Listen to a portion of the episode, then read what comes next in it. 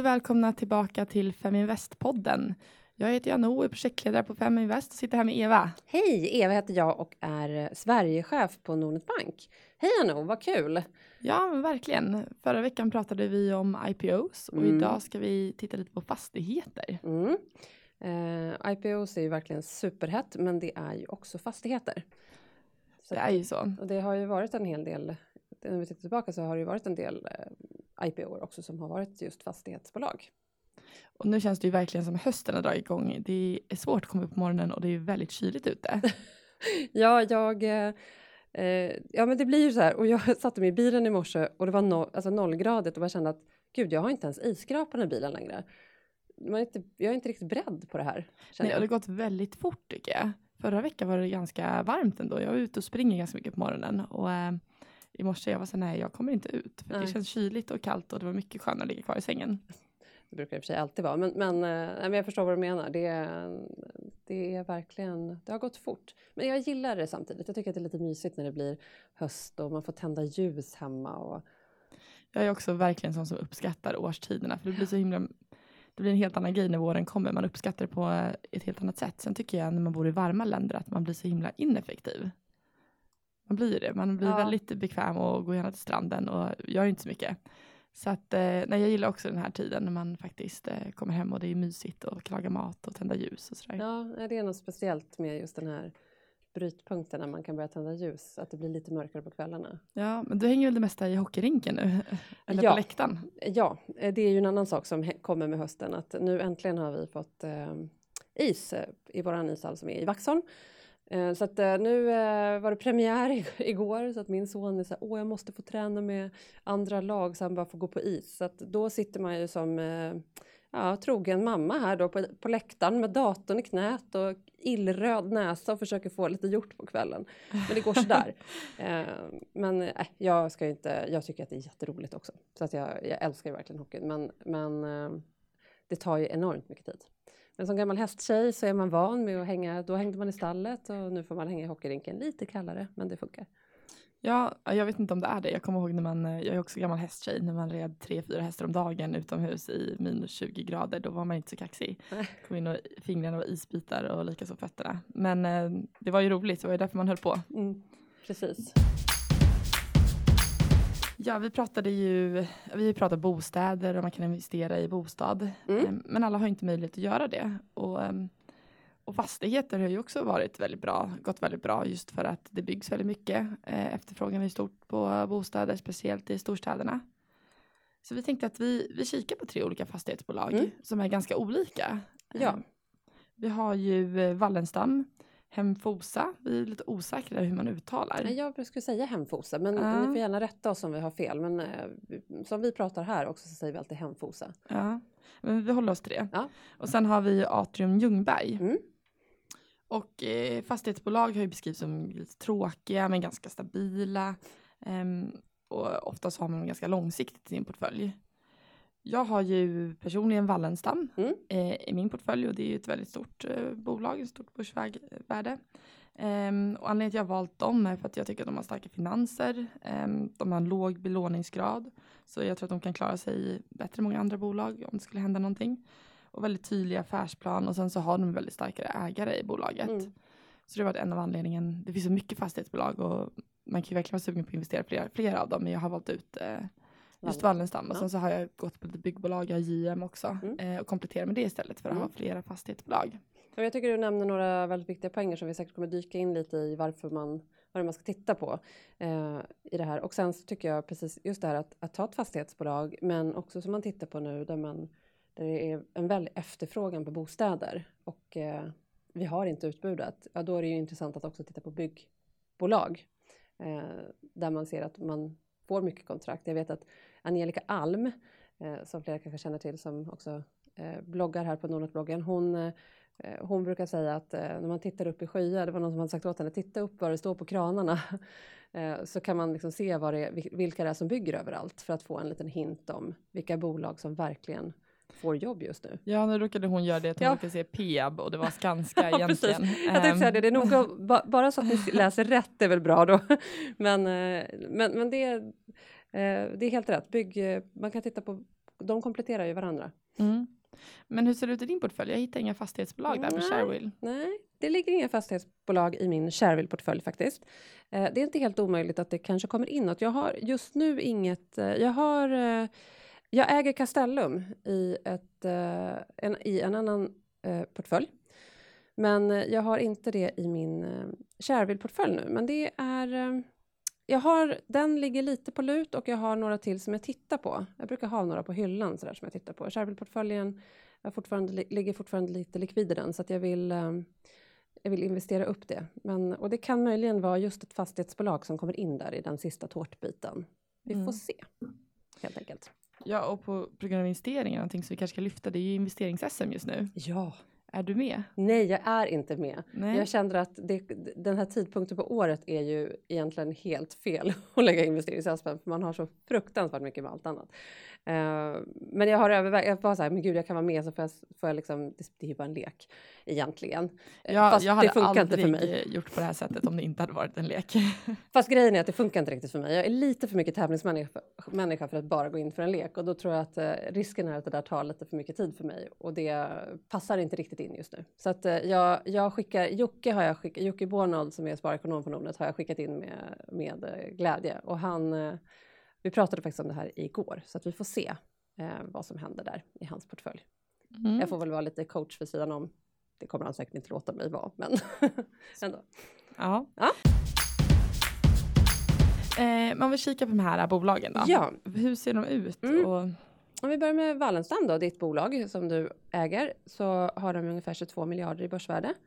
Eh, det är ju ett fastighetsbolag som både äger och förvaltar bostadsfastigheter och näringsfastigheter i storstäderna kan man ju säga då, plus Helsingborg som kanske inte är att klassa som en storstad, men Stockholm och Göteborg eh, är det ju där de i primärt investerar och även i Helsingborg. Eh, Hemfosa, eh, mindre, 16 miljarder i börsvärde. Eh, De är ju relativt nya på börsen. Eh, Men bolaget i sig är ju inte nytt, utan de har ju en gammal ledning. eh, Det är ett transaktionsdrivet bolag. Ett svenskt fastighetsbolag som förenar då långsiktig förvaltning och utveckling av framför allt då samhällsfastigheter. Så det är ju inte riktigt samma som, så där finns det en skillnad mellan Wallenstam. och det är bra att vara medveten om också Mm. att alla fastighetsbolag investerar inte i bostäder utan det är köpcentrum och Köp, lokaler. precis. Så att eh, de eh, investerar framförallt i att ut, förvalta och utveckla samhällsfastigheter. Eh, och så jobbar de även med förvärv och försäljning av fastigheter. Eh, så att därav den transaktionsdrivna delen, att de både förvärvar och säljer fastigheter också. Eh, sen har vi ju Atrium Ljungberg som vi också ska prata om. De har 19 miljarder i börsvärde och här då har vi ett bolag som fokuserar framförallt på köpcentrum. Eh, Atrium Ljungberg är ett fastighetsbolag eh, som då utvecklar och förvaltar eh, främst ska jag säga köpcenter och handels och eh, kontorsfastigheter. Så de här tre är ju rätt olika i sin karaktär. Precis, vi vill väl lyfta det också lite att när man just väljer fastighetsbolag att titta på de här punkterna också. Vad är det faktiskt de, eh, vad är fastigheter de förvaltar? Mm. Um, Atrium Ljungberg kan vi lyfta där också att de um, har legat väldigt högt på jämställdhetslistan. Mm. De arbetar ju väldigt aktivt med det så det är pluspoäng.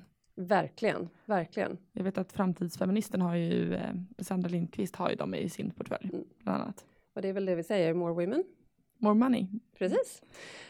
Och, men om vi ska titta nu, vad tjänar fastighetsbolagen pengar på? Ja, fastighetsbolag tjänar ju ofta primärt pengar på hyresintäkter.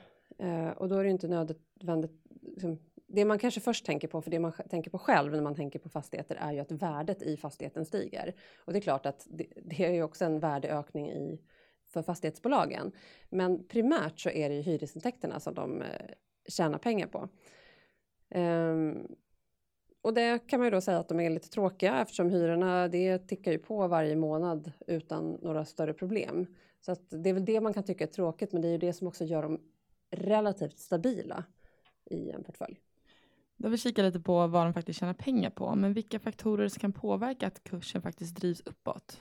Ja, nu brukar ju inte kursen vara så, det är inte, den är inte så extremt volatil i fastighetsbolag, eh, men det som kan påverka att eh, kursen drivs upp är ju faktorer runt omkring. För vi vet att hyresintäkterna tickar på och vi vet att värdet kan eh, öka i fastigheten. Det är ingenting som händer oftast över en natt. Men det är klart att ser vi att eh, ränteläget förändras till exempel eller att det blir någon, nå någonting annat som kanske gynnar eh, att äga fastigheter själv eller att det är någonting som gynnar fastigheterna i form av eh, regleringar eller annat. Det kan ju påverka kursen, absolut. Men ränteläget, låga räntelägen är ju väldigt positivt för fastighetsbolag. Så om räntorna sjunker så blir det ju positivt för, för eh, fastigheterna. För att, eh, ja. Vi kan säga att de ligger lite i ett guldläge just nu. Ja. Det här uppskattar de verkligen. Verkligen. Men vad är fastighetsbolag känsliga emot? Vad kan få kursen att, om man ska säga, rasa? Ja, det är ju motsatsen då. Det är ju att eh, räntorna stiger det är ju en väldigt stark faktor för att det kan få effekt på fastighetsbolagens kurser. Men också naturligtvis om, det, om vi pratar som, vi prat, som det pratas om, en fastighetsbubbla. Får vi väl se, jag vet inte själv om jag riktigt liksom är där. Men, men det är klart att skulle fastighetspriserna sjunka kraftigt, det får jättestor påverkan på, på värdet ja, det är bra att hålla utkik efter, har man förväntar man att räntan ska stiga så kanske man kan titta, titta på, kommer det här påverka bolagen som jag har i portföljen? Ja.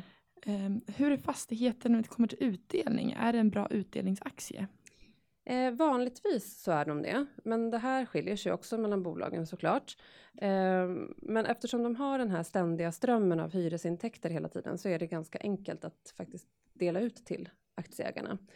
Och faktiskt både Castellum som jag äger då. och huvudstaden har höjt utdelningen varje år sedan i slutet av 90-talet. Så det är två väldigt utdelningssäkra bolag. Eh, men sen finns det ju fastighetsbolag som inte alls fokuserar på utdelning som till exempel Balder. Eh, och de återinvesterar allting istället. Så som sagt, det skiljer sig. Men vanligtvis så är fastighetsbolag eh, brukar ge utdelning. Nu eh, börjar vi prata om massa bolag här, det finns så mycket att välja på. Men ja. om vi går tillbaka till de här tre bolagen mm. som har lite olika fokus och inriktningar. Vilket bolag har presterat bäst? Ja, nu, eh, vi, nu kan man inte riktigt jämföra de här på så lång sikt då, eftersom Hemfosa har faktiskt bara varit på börsen i två och ett halvt år.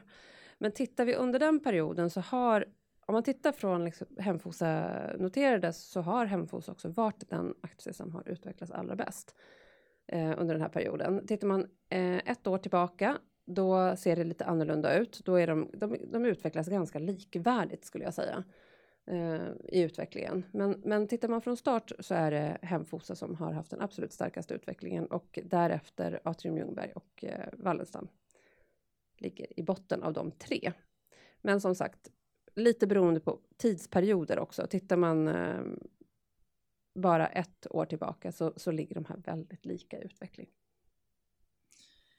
Och vad är nu viktigt att, att, tänka på när man ska välja fastighetsbolag? Vilket ska man investera i? Mm. För det första så behöver man väl titta liksom på, på de här olikheterna som det finns i fastighetsbolagen. Men titta lite grann på var, var någonstans finns de här fastigheterna? Är det i storstäder eller är det i mindre städer? Um, Bygger de nya fastigheter eller förvaltar de bara gammalt? För det, det hörde vi ju bara i början här mellan de här tre bolagen att det skiljer sig lite grann. Och är det bostadsfastigheter eller kontorsfastigheter? Så att titta lite grann på vad som gömmer sig i under fastighetsbolagsuttrycket. Ehm, och sen får du göra din egen analys vad du tror på. Eh, om det är kommersiella fastigheter eller om det är bostadsfastigheter och var någonstans. Jag tycker det är ganska viktigt också just med ägare. Eh, för, för, har de erfarenheten tidigare? För jag menar Hemfosa är väldigt ny, nytt till börsen men det har gått väldigt bra och det är också för att de har en gammal ja. eh, det är väldigt mycket kunskap i bolaget vilket gynnar dem. Jag tror att det var svårt om de hade kommit in med inte den kunskapen. Mm.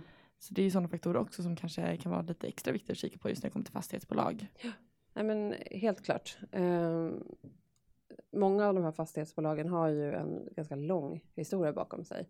Men det kommer ju som alltid också upp andra aktörer och sen behöver man ju precis som i vanliga bolag titta på hur har, även om det är ett anrikt och gammalt bolag så behöver ju inte de människorna som sitter i bolaget ha varit där så länge. Så att eh, gör en analys precis som vanligt. Vilka människor är det som sitter och bestämmer? Men finns det några specifika nyckeltal som man ska kika lite extra på och vad säger de här nyckeltalen egentligen? Ja men eh, det man vill titta på framför allt när det gäller fastigheter är ju skuldsättningen. Eh, det vill säga hur, hur skuldbelagda är Och Många fastighetsbolag har faktiskt inte särskilt mycket skulder utan de har ganska låg skuldsättningsgrad. Eh, men, men det vill man ju titta på så att de inte har för mycket belåning för då blir de ju ännu mer känsliga för, eller då blir de ju väldigt känsliga för ränteförändringar. Eh, sen vill man ju titta på substansvärdet så att man inte betalar för mycket för värdet på fastigheterna. Eh, P tal behöver vi också titta på och det, det är ju sånt här som vi tittar på i alla aktier. Det är ju ingenting som eh, skiljer sig. Men vad betyder egentligen P tal Vad är det för någonting?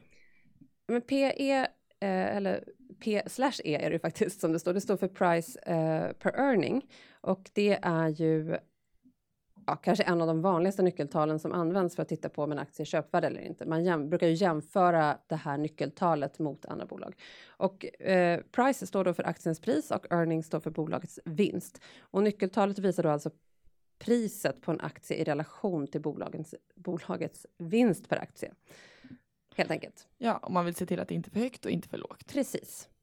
Eh, och sen har vi utdelning och direktavkastning då, det vill säga får du någon utdelning på den här? Det är ju liksom Många fastighetsbolag har utdelning, andra har inte. Så att, jag skulle säga att det är de. Skuldsättningen är viktig eh, och sen de andra delarna också. Och om vi ska summera, om man nu vill investera i fastigheter, mm. var borde man börja?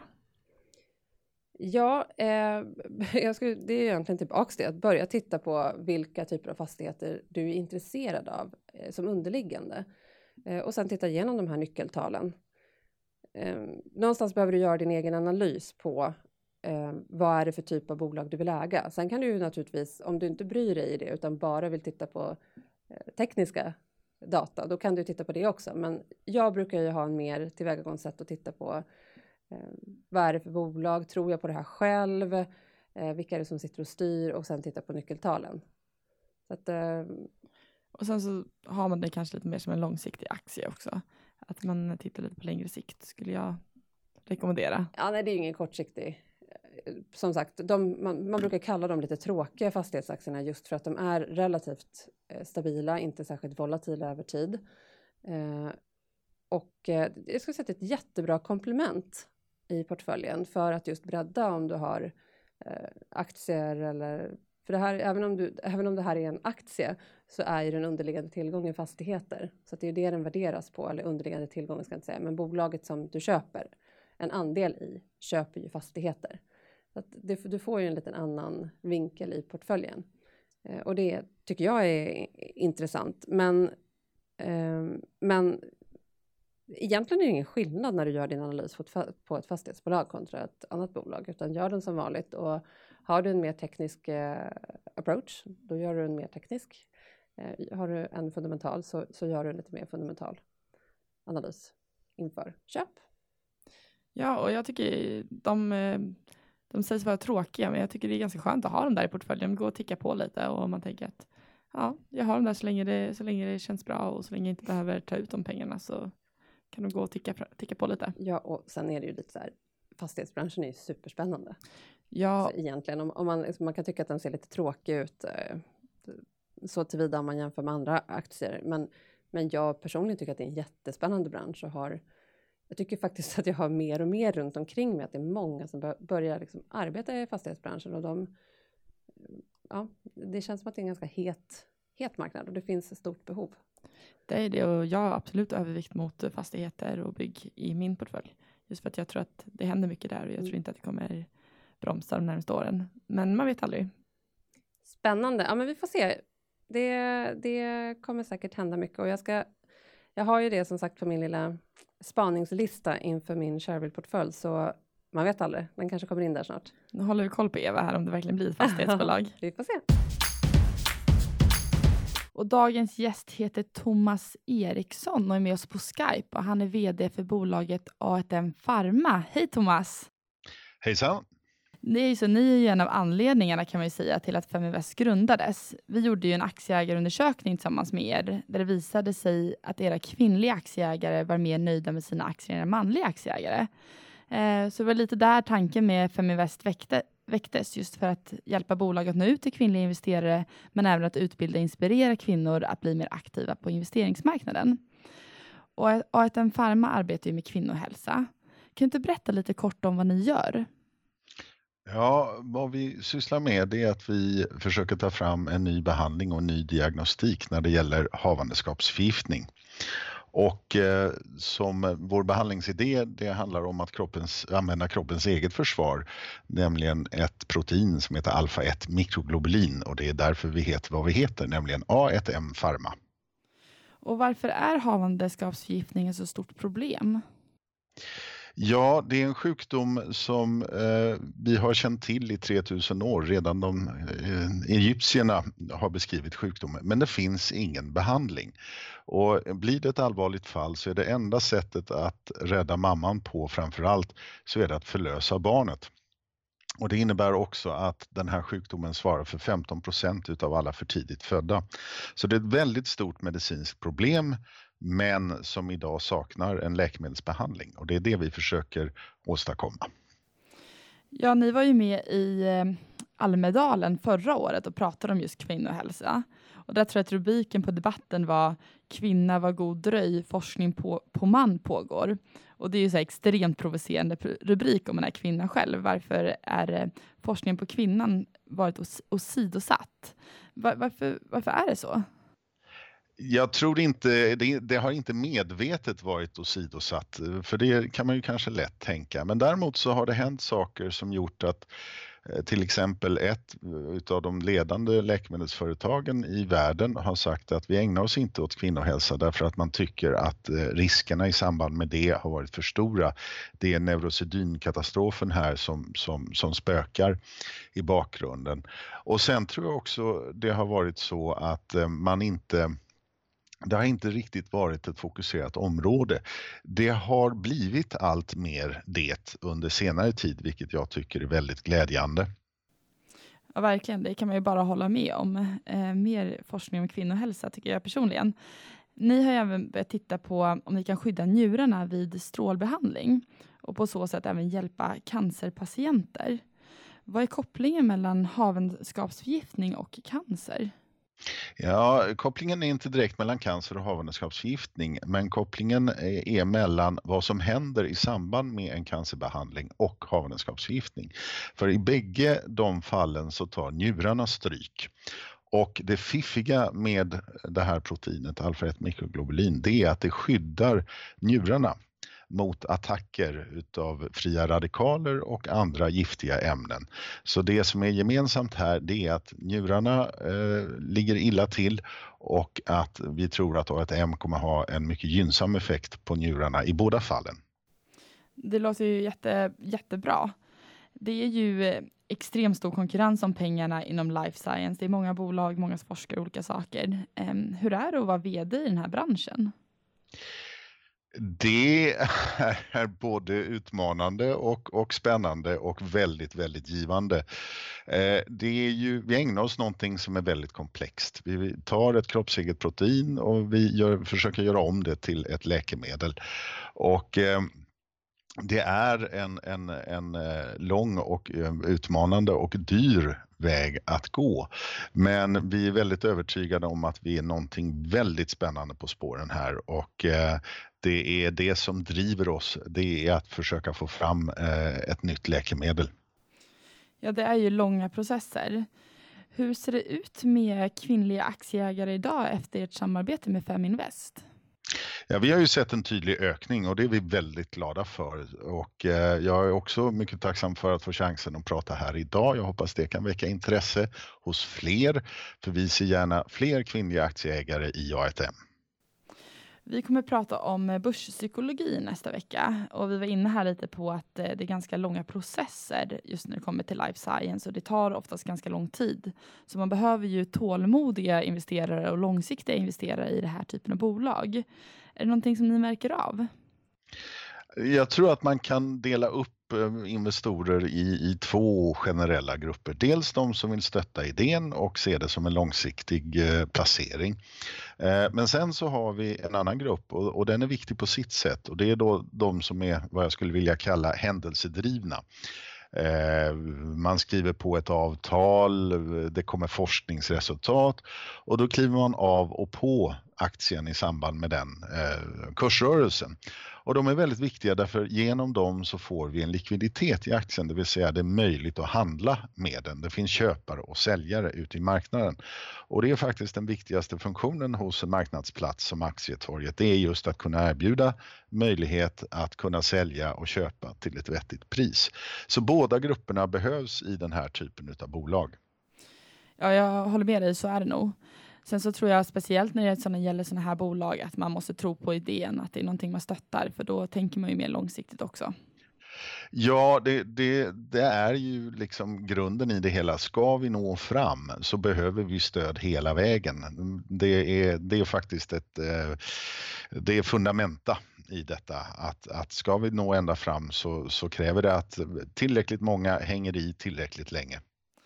Så är det. Och jag önskar er lycka till. Jag vet att ni har mycket i pipen här nu. Ehm, så tack så jättemycket för att du var med och gästade oss i Feminvest-podden. Nöjet helt på min sida. Tack så mycket. Och tack så jättemycket för att ni var med oss idag. Ehm, och kom ihåg nu, more women equals more money. More women, more money, more